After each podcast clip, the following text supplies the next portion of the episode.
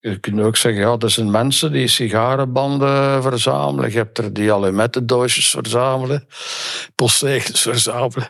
Bij mij is het dan toch nog wel een verschil. Bij mij is het levend groen. Dit is Fruitige Verhalen. Een podcast van Avanza Oost-Brabant over duurzame fruitteelt in het Hageland. Ik ben Lisbeth Gijssel en in vier afleveringen trek ik het platteland in op zoek naar verhalen over fruit. Dit is aflevering 1. Waar zijn al de appels gebleven? Fruitig, fruitig, fruitig, Hageland, fruitig, fruitig, fruitig, Hageland, fruitig, Hageland, hier om mij heen. In de supermarkt moet je al geluk hebben om meer te vinden dan een Jonagold of een Elstar. Als je naar de peren kijkt, is het al conferentie wat de klok slaat. Nochtans waren er vroeger honderden fruitrassen in Vlaanderen. Het platteland was een lappendeken van weides met hoge fruitbomen. Die maakte plaats voor intensieve fruitteelt met allemaal dezelfde laagstammen. Nochtans hebben de oude rassen hun kwaliteiten. Hoe halen we ze terug? Zal ik even mijn schoenen uitdoen? Oh, je zet maar nee, ja, maar die... Ja, maar dan moet je. Eh, Je ziet dat hier zelf. Ik ben op bezoek bij Dirk van den Einde, een praatgrage man met warrig grijs haar en een snor. Op tafel in de woonkamer staan kopjes klaar voor koffie, met koekjes erbij. Simon, de vrouw van Dirk, scharrelt rond in de keuken. Dat is een printer zeker. Alleen dat mag ik in de keuken een keer lawaai maken. En dan, ja meneer, je zal niet veel lawaai zijn. Hè. De klok zetten we zo weer stil, want dat is tik-tak. Hè. Dirk is al 75, maar nog elke dag bezig in zijn grote boomgaard, waar hij honderden oude fruitrassen verzamelt. Hij groeide op tussen de groenten en het fruit, maar toch liep zijn weg anders dan je zou verwachten. Amai, dat wordt een heel levensverhaal dat. Hè. Dat levensverhaal tussen de groenten en het fruit begon op de boerderij van zijn grootouders, waar Dirk als kind samen met zijn broers elke zomer kwam meehelpen. Ook thuis helpt Dirk zijn vader in de moestuin en hij krijgt er zijn eigen stukje grond. Zijn vader koopt voor hem wat frambozenstruiken. Het nadeel was misschien wel, om mij misschien een beetje te plagen, dat sommige van mijn broers, die dat dan rijp waren, gingen plukken voordat ik ze kon opeten. Als Dirk twaalf is, vat zijn vader het plan op om perziken te telen. In de zomervakantie wordt er door het hele gezin geplukt. Ik herinner me dat heel goed, want het was 64 en eh, toen had uh, Cinquetti, die Italiaanse, al het Songfestival gewonnen. En die kwaliteit eh, van die perziken was geweldig. Ik weet nog dat wij daar tussen de 14 en de 16 frank de kilo voor krijgen. En met dat geld natuurlijk konden we met de scouts op kamp gaan of konden we naar Leuven kermis gaan. Later gaat hij bij de tantes van zijn moeder de tuin onderhouden. Hij snoeit er ook de verwaarloosde fruitbomen die er staan, in ruil voor wat zakgeld. Het liefst van al was Dirk landbouwer geworden, met zijn eigen groenten en zijn eigen boomgaard. Maar zijn vader vond dat geen goed idee. Hij zag hoe moeilijk zijn ouders en andere landbouwers het hadden. Omdat hij zelf uitgever was, pushte hij zijn zoon richting die wereld. Dirk werd letterzetter en grafisch vormgever en kwam terecht bij het laatste nieuws. Daar merkten de collega's al snel op dat Dirk best een goede pen had. Speciaal voor mij heeft Dirk in zijn archief gesnuisterd en heeft hij oude kranten klaargelegd.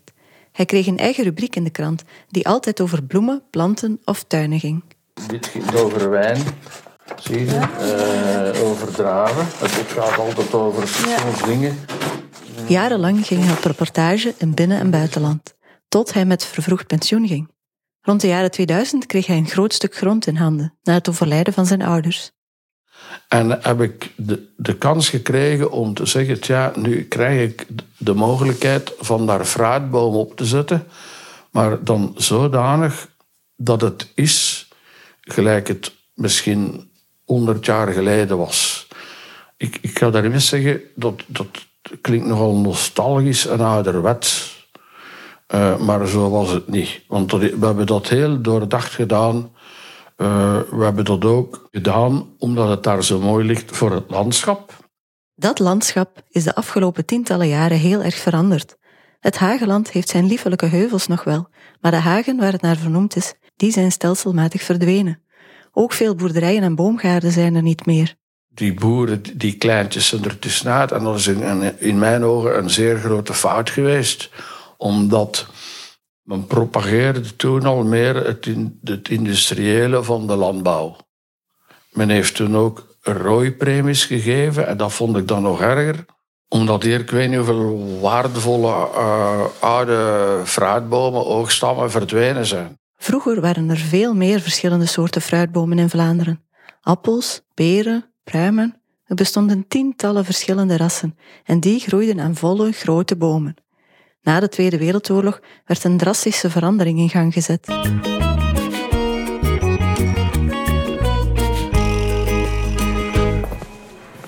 Goedemiddag. Ik heb een afspraak met Antse Kinnaar van Onroerend Erfgoed. Om meer te weten te komen over die evolutie, sta ik in de hal van een groot gebouw van de Vlaamse overheid. Even later maak ik kennis met een vrouw met donkerlang haar en een smaakvolle groene outfit. Samen wandelen we naar haar kantoor. Ik ben Anse Kinaar en ik werk voor het agentschap Onroerend Erfgoed. Ik ben bio-ingenieur van opleiding. En uh, binnen het agentschap Onroerend Erfgoed doe ik aan landschapsonderzoek, uh, vooral in functie van beschermen van uh, landschappen of van houtig erfgoed. Anse heeft in Haspengouw een studie gedaan naar hoogstamboomgaarden en is betrokken bij een project om hoogstammen te bewaren en opnieuw aan te planten. Ja, vroeger had je alleen maar hoogstamboomgaarden, um, hoofdzakelijk hoogstamboomgaarden, dus die ontstonden nabij de, de woningen, nabij de hoeves, waar dat ook het vee op stond. En daar werden dan fruitbomen op geplant, voornamelijk voor het eigen gebruik. Die hoge fruitbomen stonden dus tussen de koeien of de varkens. Het fruit werd vooral gebruikt door het boerengezin en veel soorten fruit stonden door elkaar, zodat er altijd wel iets te oogsten viel. Dat veranderde na de Tweede Wereldoorlog. Toen stond alles in het teken van nooit meer honger. De kleine boeren moesten eruit. Boerderijen moesten groter worden en meer en efficiënter gaan produceren. Er werd vooral ingezet op rassen die veel opbrengst hadden, makkelijk transporteerbaar waren en goed bewaarden. Van de honderden rassen bleven er nog een paar tientallen over. Men ontdekte ook dat je fruit op lagere stammen kunt enten en dat je dan sneller vruchten hebt en makkelijk met machines kunt oogsten. Enten, dat gebeurt altijd bij fruitbomen. Waarom kan dat eigenlijk niet gewoon met zaad? Fruit is niet zaadvast. Of dat wil eigenlijk zeggen van als je zaad van fruit gaat planten, of ja, dan komt daar wel een boom uit en daar gaat ook wel een fruitboom uitkomen.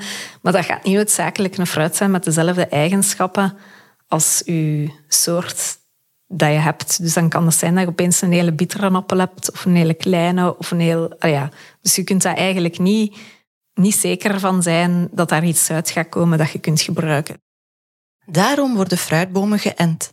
Al wordt er door sommige mensen onder de noemer natural farming ook wel geëxperimenteerd met fruitbomen uit zaad. Wat is dat nu, dat enten? Het betekent dat je een takje van de boom die je wilt kweken vastmaakt aan een afgesneden stammetje van een andere fruitboom een onderstam. Na enkele weken groeien die onderstam en dat takje aan elkaar en heb je een nieuwe boom. Bij hoogstammen wordt er geënt op een sterk groeiende onderstam en worden zijtakken tot een bepaalde hoogte gesnoeid. Laagstammen hebben een zwak groeiende onderstam. Die nemen ook veel minder ruimte in, waardoor dat je veel meer bomen op eenzelfde oppervlak kunt zetten. En in die periode is men ook naar specialisatie gegaan. Dus veetelers gingen veetelen en fruittelers gingen fruittelen. Uh, dus hadden die ruimte onder uw bomen niet meer nodig om je vee onder te zetten.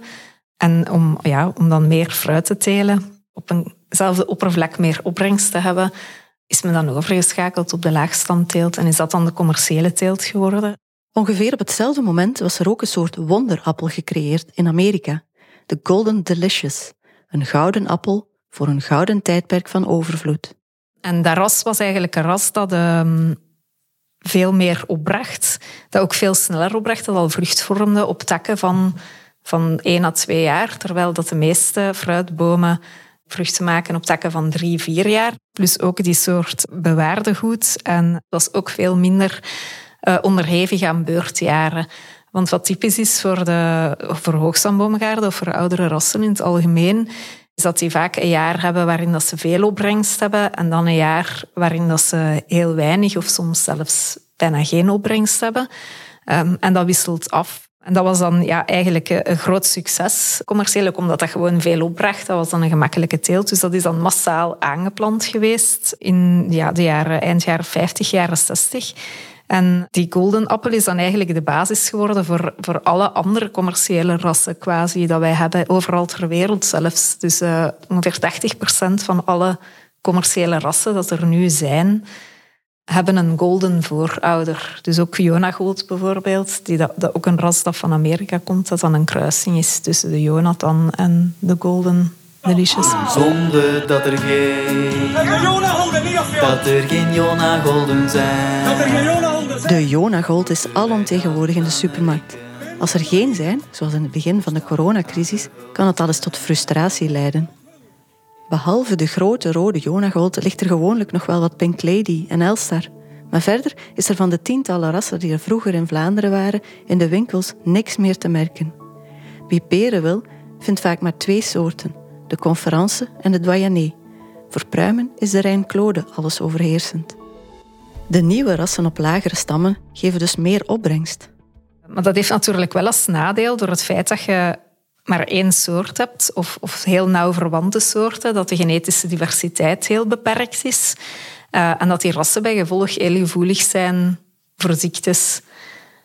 Wat dat wil zeggen, van het moment dat er ene ziek is, verspreidt dat zich natuurlijk snel. Er zijn wel wat ziektes en plagen te bestrijden in een boomgaard. Meeldauw, schurft, bladluizen. Ze kunnen heel wat schade veroorzaken. Als je verschillende fruitrassen door elkaar zet, dan zijn er altijd wel rassen die resistent zijn en verspreidt de ziekte of de plaag zich veel minder. Zet je maar één ras, dan heb je sneller last en moet je dus meer pesticiden gebruiken om je daartegen te wapenen. En die pesticiden zijn dan weer een domper op het dieren- en plantenleven in een boomgaard. In oude boomgaarden met meerdere rassen zit veel meer leven. Ik weet dat het Provinciaal Natuurcentrum in Limburg, die hebben daar onderzoek naar gedaan.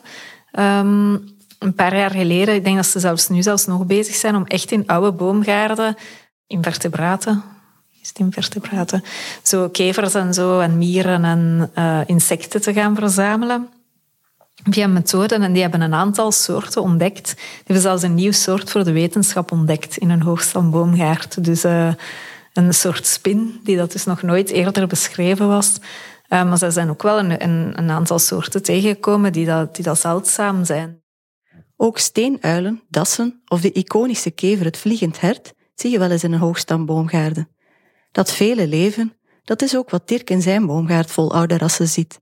Door die creatie van die een boomgaard krijgen we hier toch op, op 20 jaar krijgen we hier toch bezoekers die we anders niet hebben. Dus door het gebruik van al die sproeistoffen zie je de vlinders altijd maar minder en minder. En hier komen erbij. Hè? Vogels zeker, we hebben de geelgors. Nog niet zo courant, maar we hebben hem toch. Uh, hier zitten ook rijen. Die appels zijn ook leverancier aan vele, vele dieren dat wij niet direct. Ik ontdek dat dikwijls geraapt een gevallen appel op en daaronder heeft, heeft een spitsmaas gezeten die beginnen uh, het, het, het, vlees van de appel te consumeren. Egels zijn, zijn, uh, hebben, als ze niks anders hebben, een egel, als je kippen ook hebt en dan raakt er binnen, zal een eieren stelen ook. Uh, dassen, dat zijn niet de braafste beesten, dat weet ik ook, maar die eten appels. En vossen ook. Dat leven kun je ook actief inzetten ten voordele van de boomgaard. Dat probeert Dirk ook te doen, met nestkasten, bijenkasten, hagen en andere ingrepen. Wat hier geweldig is, is dat bij na elke fruitboom staat ook een botanische roos. He, dus, dus voor de beestjes, dus voor de hommels, de bijen, de vlinders, van het moment dat de appels uitgebloeid zijn, of de peren eh, enzovoort, dan zijn de botanische rozen daar. Dan kunnen daar nog een keer ook uh, de bijen naartoe. Wespen ziet hij liever niet, maar daar helpt moeder natuur een handje. Die overlast van wespen is bij mij teniet gedaan door het fenomeen van een vogel, zijnde de wespendief. Dus sinds een jaar of drie laten we die wespennesten. Anders ging ik ze nog zelf verdelgen. Ik kende dat allemaal. En, en met de, uh, daar uh, een beetje petroleum in gieten. En dan het boelken in brand steken. En op plaats staat heel je veld in brand. Ga, je, ga je dus... Je laat die, die wespennesten evolueren. En die wespendief op een moment, als hij ziet dat, oh, dat hier een mooie, schone, grote nest, die observeert, die volgt de vlucht van die wespen. En hij gaat tot de, de laatste wesp en, en maten, of, of de jonge wespen, in die nest verdelgen. Minder ziektes en plagen, meer biodiversiteit. En er zijn nog meer voordelen aan hoogstammen en oude fruitrassen, weet Anse. Door het feit dat die een sterke onderstam hebben, gaan die ook veel dieper wortelen, gaan die ook uh, hun voedingsstoffen veel beter kunnen opmaken en sterker groeien. Um, dus in die zin vragen die minder uh, intensieve opvolging dan laagstam fruit. Hoogstamfruit heeft dus een stevigere onderstam, die uit een zaadje wordt opgekweekt met diepe penwortels. De bomen geraken beter aan allerlei voedingsstoffen en ook beter aan water. Ik heb verleden jaar, ondanks die, die droogte, heb ik geen ene hoogstam kwijtgeraakt. Hè. Die bomen zijn sterker omdat ze meer houtgewas zijn. Ik, en uh, terwijl de Jonagold, Jonathan, de Golde en, en zeker de Pink Lady, daar ze, dat zijn dus juffrouwkes. Hè. En wat gebeurt er met die juffrouwkes? Die juffrouwkes die zijn eigenlijk genetisch zodanig gekruist om te voldoen, zogezegd, aan de vraag van de consument. Maar de consument die vraagt daar niet naar. De, de consument wordt daarmee opgezadeld. Het mag duidelijk zijn. Dirk heeft het niet voor juffrouwtjes. Al 25 jaar verzamelt hij oude fruitrassen om ze te bewaren voor de toekomst je kunt zeggen, ja, wat is dat dan? dat is, je kunt ook zeggen, ja, dat zijn mensen die sigarenbanden verzamelen. Je hebt er die alimentendoosjes verzamelen, postzegels verzamelen. Bij mij is het dan toch nog wel een verschil. Bij mij is het levend groen. Overal in het land en ook in het buitenland gaat hij op zoek naar zeldzame oude rassen. Natuurlijk, dat project in het begin dat was een kamikaze-project. En uh, ze zullen wel gedacht hebben, sommige dat is hier compleet gekke werk. Dat is het idee van de holocaust. Maar uiteindelijk begint dat hier zo serieus te worden, dat folieken dat wij hier gedaan hebben. Dirk neemt me mee in de auto om naar zijn uit de hand gelopen folieken te gaan kijken. Dat, dat zijn de abrikozen. Ja, die zie de abrikozen. En dan hier begint dat. We dus- rijden door een grote boomgaard. Een, een kriekenboom tussen gezet. Voor, voor Ik zie ook bordjes met uitleg, een wandelpad en bankjes. Er staan honderden jaren oude eiken. En tussen de bomen grazen soms schapen, net als vroeger. Een creatie van, van dat is op 20 jaar. Allerlei soorten fruit staan door elkaar. Appel, peer, kers, mirabel, abrikoos. En wat is dat hier? Dat is een perel. Dirk heeft intussen meer dan duizend soorten fruitbomen verzameld in zijn boomgaard. Dat is een mirabel. Nou, ah, ja, dat het ook staan. Er staan soorten tussen die duizenden jaren oud zijn en soorten die je bijna nergens anders in Vlaanderen nog vindt. Andere hebben een bijzondere voorgeschiedenis. Hij heeft een end van een appelboom uit het concentratiekamp van Dachau en eentje van de appelboom uit de tuin van Isaac Newton. Je weet wel, die appel die op zijn hoofd viel en die hem volgens het verhaal het idee gaf van de zwaartekracht. Ook officiële instanties leggen verzamelingen aan, want de voordelige eigenschappen van de oude rassen mogen niet verloren gaan. De Nationale Boomgaardenstichting heeft zogenaamde verzamelboomgaarden. En in Jean werkt men aan een digitale databank van fruitrassen. Door het feit dat die rassen dus niet zaadvast zijn, kun je dat dus ook niet in een zaadbank gaan bewaren uh, voor de toekomst, maar moeten die dus levend bewaren in een boomgaard. En zo'n boomgaard heeft Dirk dus ook. Ook hij is doordrongen van het belang om oude rassen te bewaren het patrimonium, het patrimonium eigenlijk in stand houden, zijn zeer belangrijk, want men is nu terug aan het veredelen op basis van oudere soorten. Waarom? Die zijn sterker, die hebben minder sproeistoffen en voedingsstoffen nodig.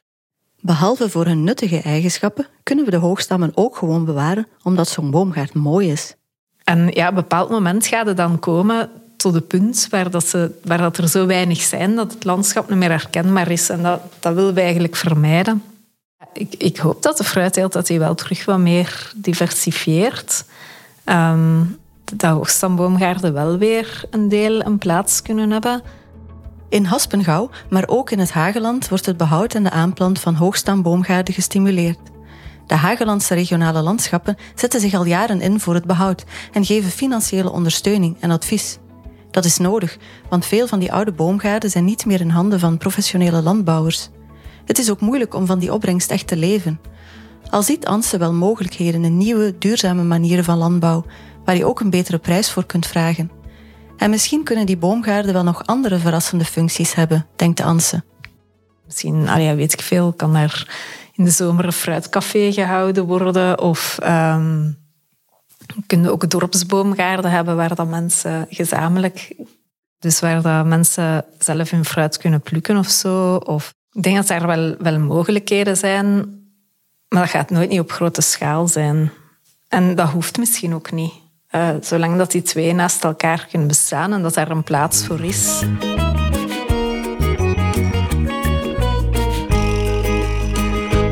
En hoe zit het eigenlijk met de smaak? Smaken appels en peren van oude rassen ook anders? Ja, eigenlijk de, de soorten die nu geteeld worden, of die nu in, in de winkel liggen, die zijn eigenlijk allemaal geteeld op, op zo'n zoetzure smaak, knapperig. Uh, eigenlijk allemaal dessertappels, zeg maar, of handappels, die dat je zo eet. Maar bij die oude rassen had je ook uh, rassen waar je bijvoorbeeld cider van zou kunnen maken, die dat uit de hand niet echt lekker zijn. Um, of, of die kunnen ook soms meer geschikt zijn voor appelsap van te maken. Omdat die juist iets zuurder zijn, maar die dan ook weer daarom niet uit de hand zo lekker zijn. Uh, gaat ook stoofsoorten, soorten voor appelmoes, ook qua textuur. Nu um, zijn dat allemaal stevige appels, maar toen hadden we ook ja, appels die dan meliger waren, die dat dan misschien beter geschikt waren om te stoven. Of, of, uh, um, maar die dat je wel moet verwerken of, of soorten voor stroop te maken. Het kan moeilijk zijn om nog een goede stoofappel te vinden in de supermarkt. En geef toe, verse appelmoes van Jona Golds of Pink Ladies, dat smaakt toch niet hetzelfde. Terwijl de kompot van een boskoop, die kleurt al zo mooi lichtbruin bij kip. Dirk heeft voor zijn verschillende fruitsoorten heel wat verschillende bestemmingen. Fruit om te eten, maar ook om fruitsap van te maken, om te stoven of voor confituur. Dat is bijvoorbeeld de paddenpeer, de, de, tante van Aalst was die.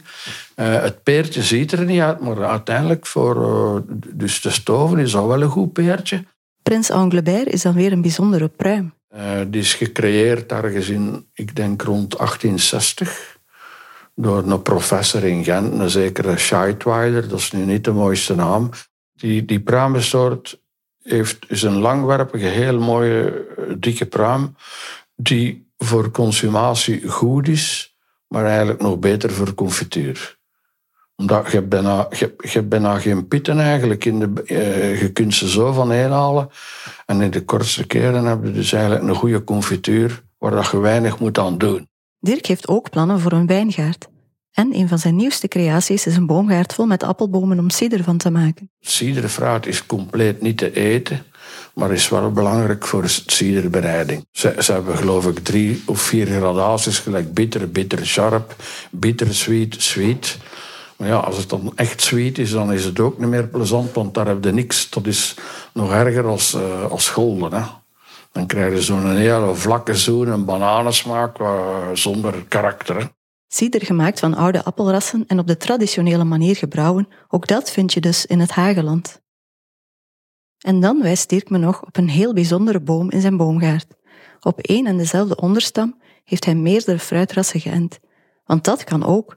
Je laat uit de onderstam meerdere takken opkomen. En op elke tak kun je een andere fruitboom enten. We hebben dat misschien gedaan als een folieken of, of een gekkigheid. Maar op één boom staan bij mij meer dan honderd soorten. Meer dan honderd soorten? Hij laat me de boom zien als we door de boomgaard rijden. Als ik 115 soorten heb, of, of variëteiten, dan ga ik een aanvraag indienen voor hem in het Guinness, Guinness Book of Records. is het eerste kijk. Het Guinness Book of Records. Daar mag Dirk wat mij betreft al in staan voor moed en volharding. Het onderhoud van al zijn bomen vraagt veel tijd en energie. Maar hij doet het op zijn 75ste nog steeds met alle plezier mooier op vakantie. Of ik ga nu wel een keer graag naar de Eifel, maar zonder een keer goed te eten en te drinken. Hè. Maar uh, hoe mooi is dat, ik zeg. Mm -hmm. En dan is het tijd om afscheid te nemen van Dirk en zijn boomgaard.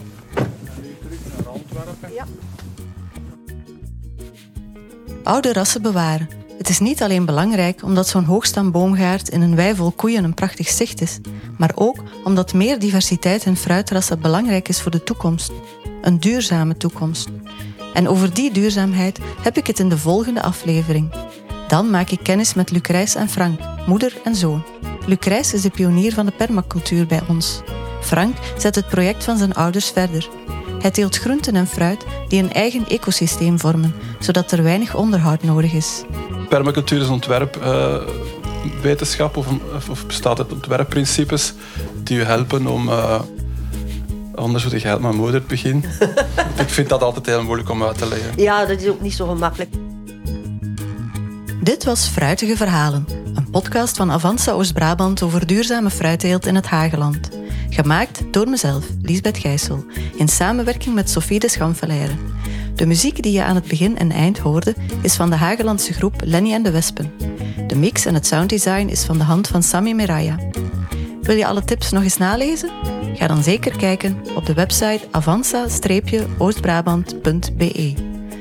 Vond je deze aflevering interessant? Schrijf dan een review, dan kunnen anderen hem sneller terugvinden. Fruitig, fruitig, fruitig, Hageland, fruitig, fruitig, fruitig, Hageland, fruitig, Hageland, hier om mij heen. Fruitig, fruitig, Hageland, fruitig, fruitig, fruitig, Hageland, fruitig, Hageland, neem mij maar mee. Zie de heuvels, zijn de golven van de groene zee. En ik dein hier zalig met hen mee. Ja, de heuvels zijn de golven van een groene zee. Ik dans hier zo graag op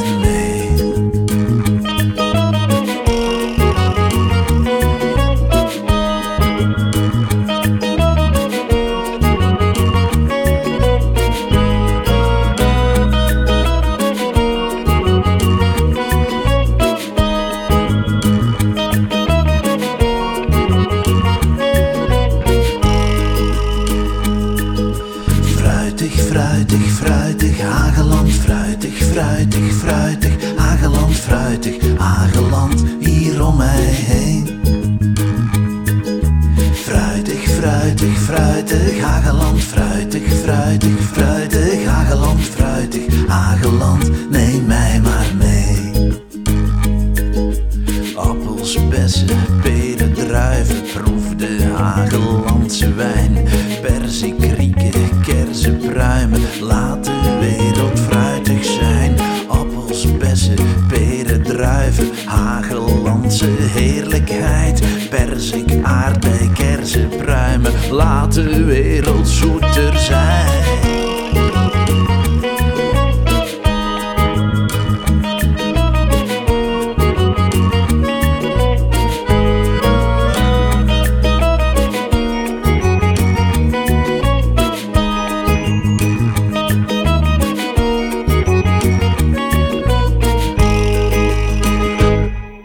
Deze podcast kwam tot stand met de steun van het Europees Landbouwfonds voor Plattelandsontwikkeling.